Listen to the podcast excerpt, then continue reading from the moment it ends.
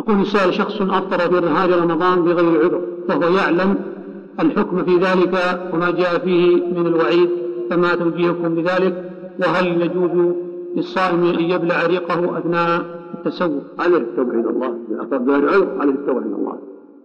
علم به ولاة الأمور استحق أن يعزر إذا علمت به الأية الهيئة أو غيرها من ولاة الأمور أفطر عمدا يستحق أن يعزر يؤدب بما يرجعه أمثال عن ذلك.